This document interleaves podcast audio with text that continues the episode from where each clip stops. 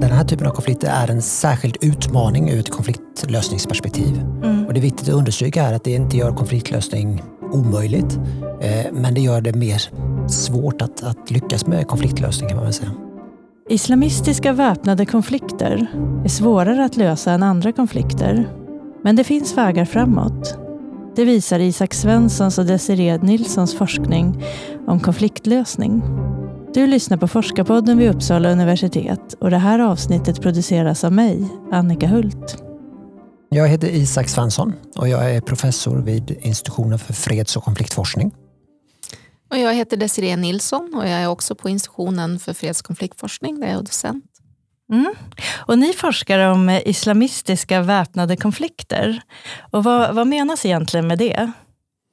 Ja, det är konflikter där eh, åtminstone en av sidorna har ställt explicita islamistiska krav. Eh, till exempel krav om sharia-lagstiftning i början av konflikten. Mm. Och eh, hur skiljer sig de här eh, konflikterna från andra konflikter i världen? Ja, det som vi, vår ingång till detta är att undersöka i vilken mån de är eh, mer svåra att lösa. De skiljer ut sig från konflikt, ett konfliktlösningsperspektiv. Ju. Och det har vi ju, i, i grova drag har vi funnit att det är så.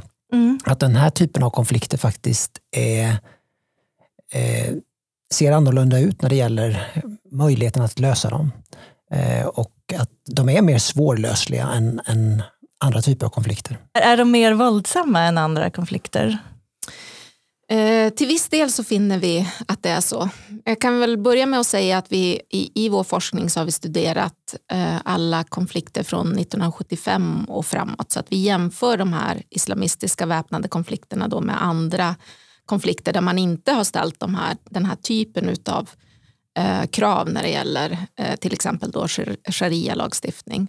Eh, och när vi då jämför dem så finner vi att de är mer intensiva när det gäller själva konflikten mellan regeringen och rebellerna. Men sen mm. finns det andra former av organiserat våld.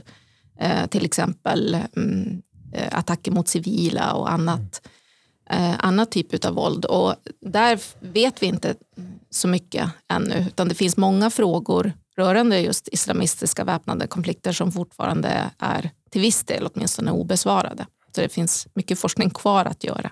Mm. Och hur vanligt är det med såna här, den här typen av konflikter idag? Eh, när vi då har studerat dem så har vi funnit att eh, från 2015 så representerar de mer än 50 procent av eh, alla eh, konflikter. Så att det har blivit en ökning. 1975 eh, då vi började studera dem, då fanns det ingen konflikt som hade den här typen av islamistiska krav. Så att det, ehm, och en utgångspunkt för själva projektet var just hur kan det komma sig att det, att det ser ut på det här sättet? Varför ser vi en ökning av islamistiska väpnade konflikter i jämförelse med andra?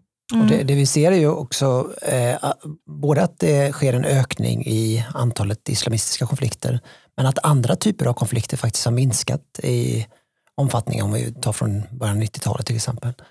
Eh, så att eh, islamistiska konflikter ökar, andra konflikter har tenderat att minska. Och det har gjort att andelen kring eh, islamistiska konflikter har förändrats. Att det blir, precis som Desiree säger, så har varit mer än hälften av alla världens konflikter sedan 2015 har varit just den här typen av konflikter. Mm. Och har ni, har ni kommit fram till varför de har ökat? Och har ni sett något? Ja, vi tittar egentligen inte på vad det är som är mm, konfliktorsaker och vad det är som gör att konflikter kommer till. Utan vi tittar liksom på andra ändan av konfliktlösningsspektrat. Så vi tittar ju på hur, konfliktlösningen. Och en förklaring till varför de, de ökar i frekvens är att de inte avslutas i samma utsträckning som andra. Och det är ju någonting som vi har funnit att de, de inte är eh, benägna att, att avslutas på samma sätt. Det finns flera liksom eh, aspekter av den här svårlösligheten. Så till exempel så finner vi att de tenderar att bli väldigt långvariga om man jämför med andra konflikter. Eh, vi ser också att de har en tendens att mm, börja om på nytt när man jämför med andra typer av konflikter. Och det gäller både liksom de eh, rebellgrupper som har stridit förut men det uppkommer också nya organisationer inom ramen för den här typen av konflikter. Och sen en annan eh, intressant eh, sak som vi har funnit är att man också tenderar att förhandla mindre i den här typen av konflikter. Men ändå, konfliktlösning förekommer och det är viktigt att komma ihåg. Mm. Sammantaget så visar det liksom bilden av att den här typen av konflikter är en särskild utmaning ur ett konfliktlösningsperspektiv. Mm. Och det är viktigt att understryka här att det inte gör konfliktlösning omöjligt, eh, men det gör det mer svårt att, att lyckas med konfliktlösning kan man väl säga. Och, eh, har ni studerat konflikter i hela världen eller har ni koncentrerat er på vissa länder? Alltså, jag och Isak i vår forskning eh, har eh, i det gemensamma forskning som vi har så har vi studerat alla världens konflikter just utgått ifrån liksom jämförelsen med andra typer av konflikter. Men inom ramen för det större projektet så finns det mycket annan forskning som har bedrivits som har varit mer fokuserad på, på vissa fall. Var det här någonting som förvånade er? Att de är svårlösliga? Ja, det, det var ju en, eh, också en ingång när vi sökte det här. Vi såg det här mönstret och så att eh, vi man kan väl säga så här att vi, vi, vi var inte förvånade över att de var svårlösliga. Men vi har inte riktigt förstått eh, varför de är så svårlösliga. Och det är väl någonting som vi har börjat eh, eh närma oss nu en, en, mer av en, vad vi ser som förklaring. Och inom ramen för det, det, större projektet så finns det flera olika förklaringar när man betonar olika saker. Eh, olika möjliga förklaringar till varför de är så svåra att lösa. Och det är ju någonting som har vuxit fram under eh, resans gång här.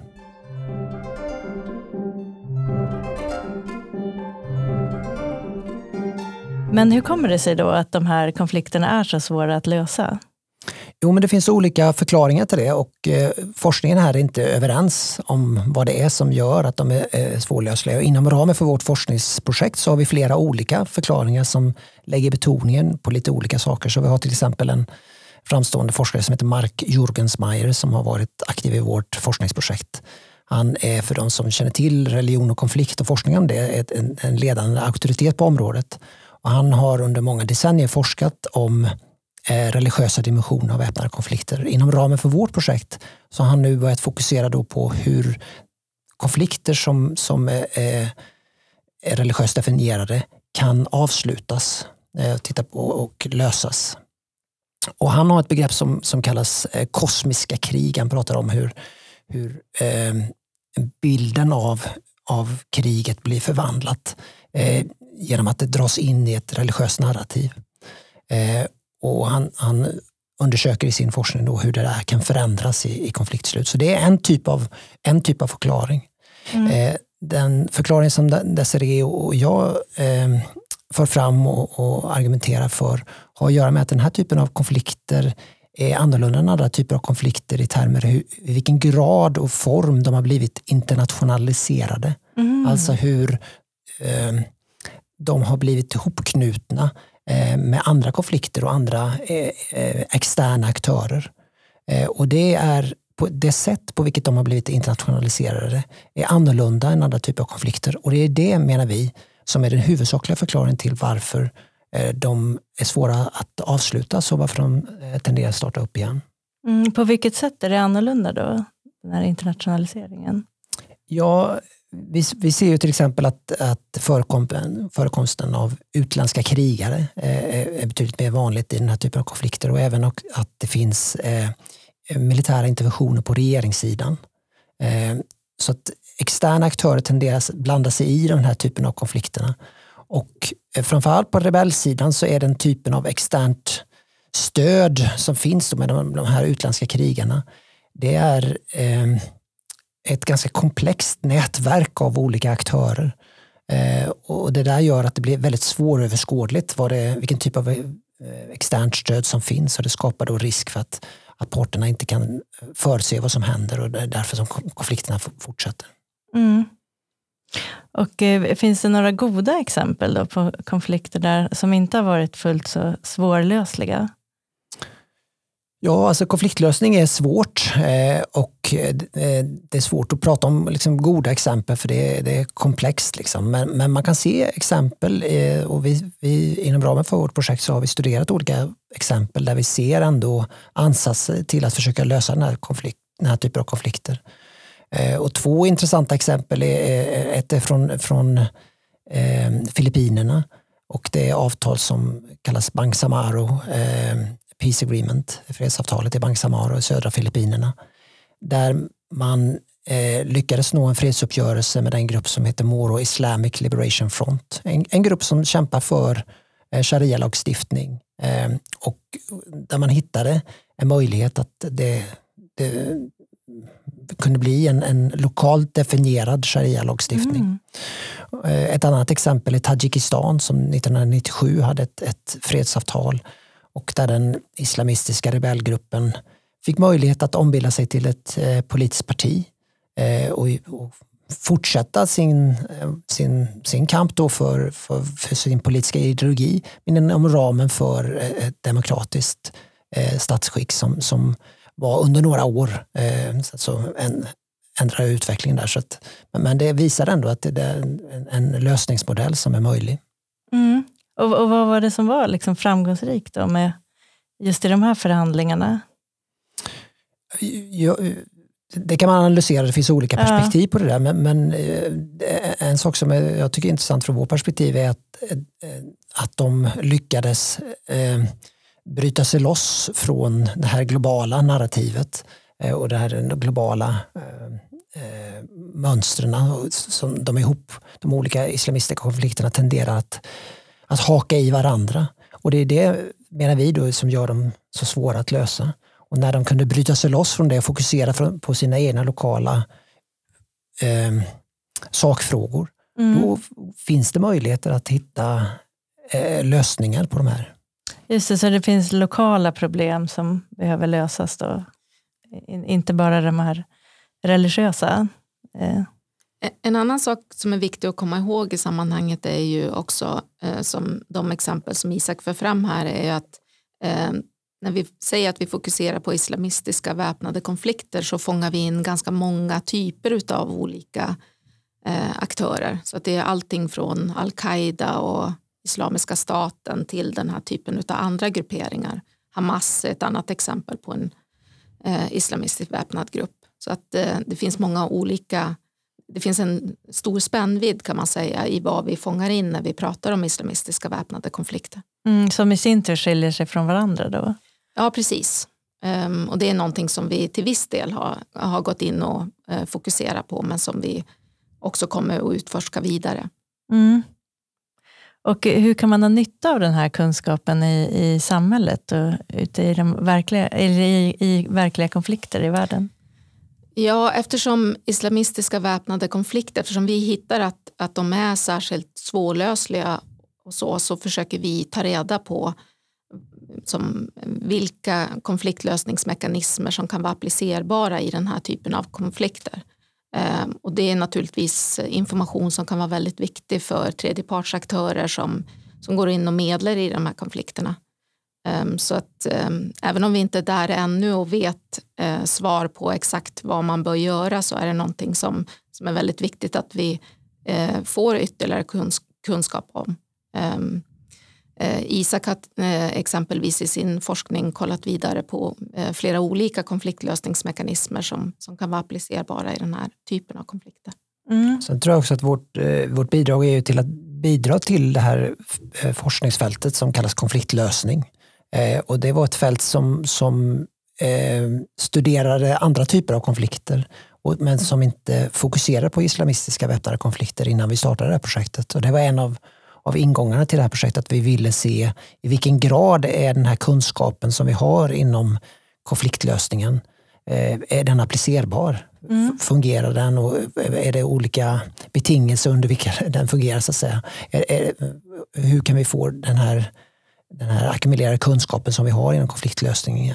Hur ska vi förstå det i det här delvis nya empiriska landskapet som vi befinner oss i? Mm.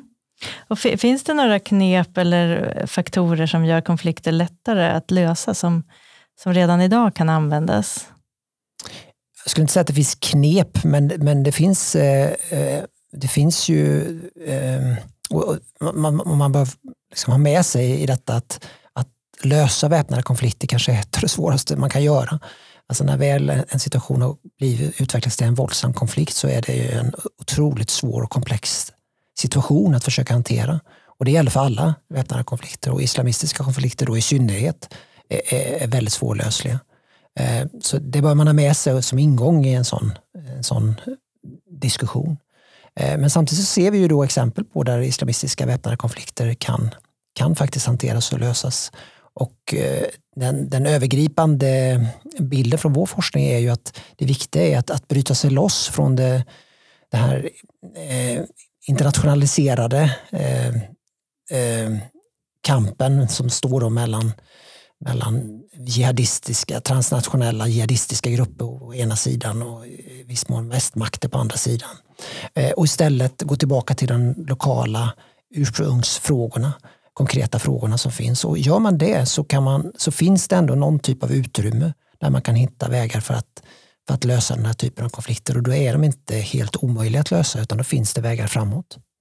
Och sen kan man ju eh, tillägga då att det, man kan ju också jobba preventivt så att man ser till att de, eh, att de fortsatt är mer lokala och att de inte få den här äh, externa dimensionen där, där vi ser en hög grad av internationalisering. För då är det, precis som Isak mm. säger, betydligt mycket svårare att lösa dem. Åtminstone från vårt perspektiv som vi ser det. Mm. Gäller det att, att börja försöka lösa dem tidigt, liksom, innan det, det växer och blir mer internationellt? Ja, det är det, det, är det perspektiv som vi har på, på de här konflikterna. Mm. Och vad är, vad är vikt, finns det något mer som är viktigt att tänka på vid medling i sådana här konflikter? Nej, men jag, jag tycker att preventiva ansatsen är väldigt viktig att ta med sig och vi kan se att i en del konflikter, om man tänker i, i eh, Tjetjenien till exempel, så har man sett en utveckling i, i att konflikten har liksom omvandlats över tid och gått från att vara en konflikt som egentligen inte handlar om religiösa sakfrågor överhuvudtaget, handlar om nationalistiska frågor, till att bli en islamistiskt väpnad eh, definierad konflikt, till att utveckla sig till att dra in den här transnationella dimensionen. Då kan man se liksom flera grader av eskalering. Här och då, eh, ju, ju, högre upp på den här eskaleringsgraden man kommer, upptrappningsgraden, desto svårare blir det att, att lösa den.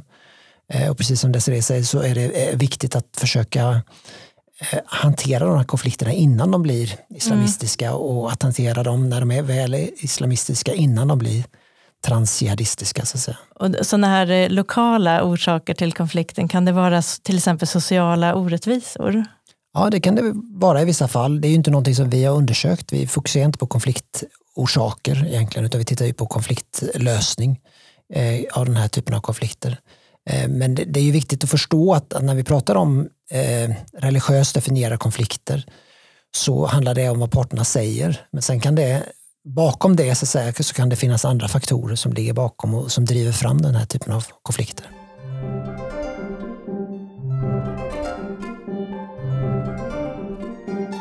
Hur kom det sig att ni startade det här projektet? Ja, vi startade det här projektet när eh, Islamiska staten IS var som eh, starkast egentligen. Eh, 2014 så, så eh, erövrade de mark i, i Irak och Syrien och, och var på sin eh, hade momentum så att säga. Eh, och det kom sig av en, en diskussion som Desiree, Mimmi eh, Söderberg Kovacs eh, och jag Eh, Eh, vi tre hade. Där vi alla tre hade fokuserat på konfliktlösning eh, i vår, i vår forskning. Och vi såg den här typen av konflikter och var liksom förbryllade och funderade kring ja, men den här typen av konflikter är, är det som vi vet från konfliktlösningslitteraturen. Eh, medling, förhandlingar, dialog, maktdelning. Alla de här sakerna, är, är det överhuvudtaget relevant? Är det, kan, så det var det liksom ingången till det hela. Kan vi använda det vi vet från studien av andra typer av konflikter och konfliktlösning?